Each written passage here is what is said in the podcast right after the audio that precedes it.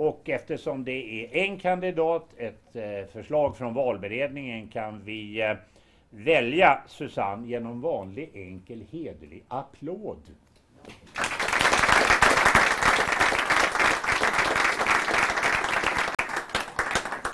Eh, Utmanande att stå här nu klockan fem över två. Eh, och, eh, först vill jag börja med att tacka så jättemycket för förtroendet. Det här ska bli eh, otroligt kul och utmanande. Björn sa här tidigare, du känner ju alla och det gör jag absolut inte. Jag har liksom en resa själv att göra nu i svensk basket. Och jag hoppas att eh, du som sitter här inne och kanske sitter och tittar hjälper mig med det. Jag har i alla fall fått otrolig energi och lust idag. Eh, det var lite pirrigt i starten här, eh, men jag har fått otrolig lust av allt som vi har hört idag och av de goda samtalen som vi har haft. Och vi har otroligt mycket att se fram emot i hela svensk basket. Och väldigt mycket är på gång. Vi har satt en strategi nu 2025 som vi har jobbat ett år med. Och i den finns en värdegrund som handlar om att eh, olikheter är vägen till framgång. Att vi vågar. Och den tredje är hela människan. Och jag tänker så här, det är hela vår grund. Eh, och det har vi pratat om flera gånger idag. Men jag vill också säga den. För jag tror det är otroligt viktigt att eh, såväl jag tar in den som du som sitter här inne och alla som jobbar med svensk basket. Vi är alla svensk basket. Och det är det som är vår grund sen eh, när det gäller vår vision och våra tre stycken målområden som handlar om att vara, att växa och att vinna. Och jag tycker att eh, vi har liksom sytt ihop den här tråden under dagen. Att allt hänger ihop. Att ska vi nå landslagsframgångar, då måste vi ha en god utbildning, en god utveckling. Ska vi nå en breddverksamhet måste vi ha starka föreningar och vi måste ha en god ekonomi. Och jag kan hålla på hur länge som helst.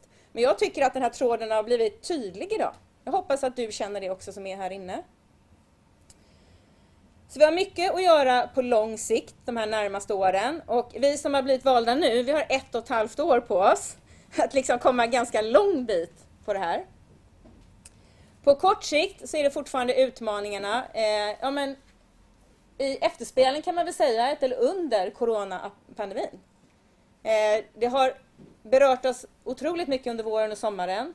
Men det kommer beröra oss under hela hösten och under hela 2021. Eh, och förbundsstyrelsen kommer jobba med de frågorna, distrikten kommer jobba med de frågorna och föreningarna kommer jobba med de frågorna. Och det kommer förmodligen beröra oss liksom framåt. Sen på kort sikt eh, har vi då eh, den roliga utmaningen då att ersätta Johan Stark som generalsekreterare. Och vi har också en övergångsperiod eh, som jag ser fram emot tillsammans med kansliet. Eh, för att hitta ett bra arbetssätt innan en ny generalsekreterare tillträder.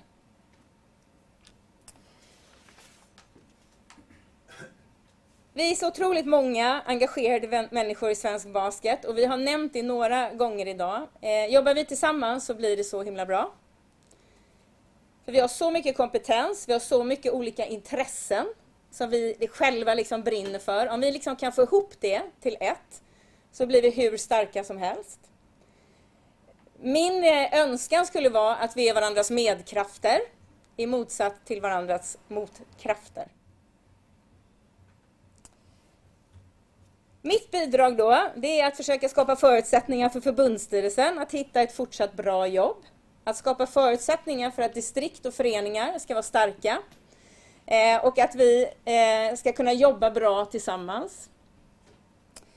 Jag gillar eh, tydlighet, om vi ska prata om mig som person. Jag gillar att vi är ärliga mot varandra.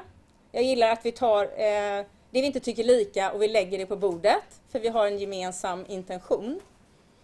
Eh, jag ska försöka bidra med ärligheten och tydligheten i det här jobbet som vi har framför oss.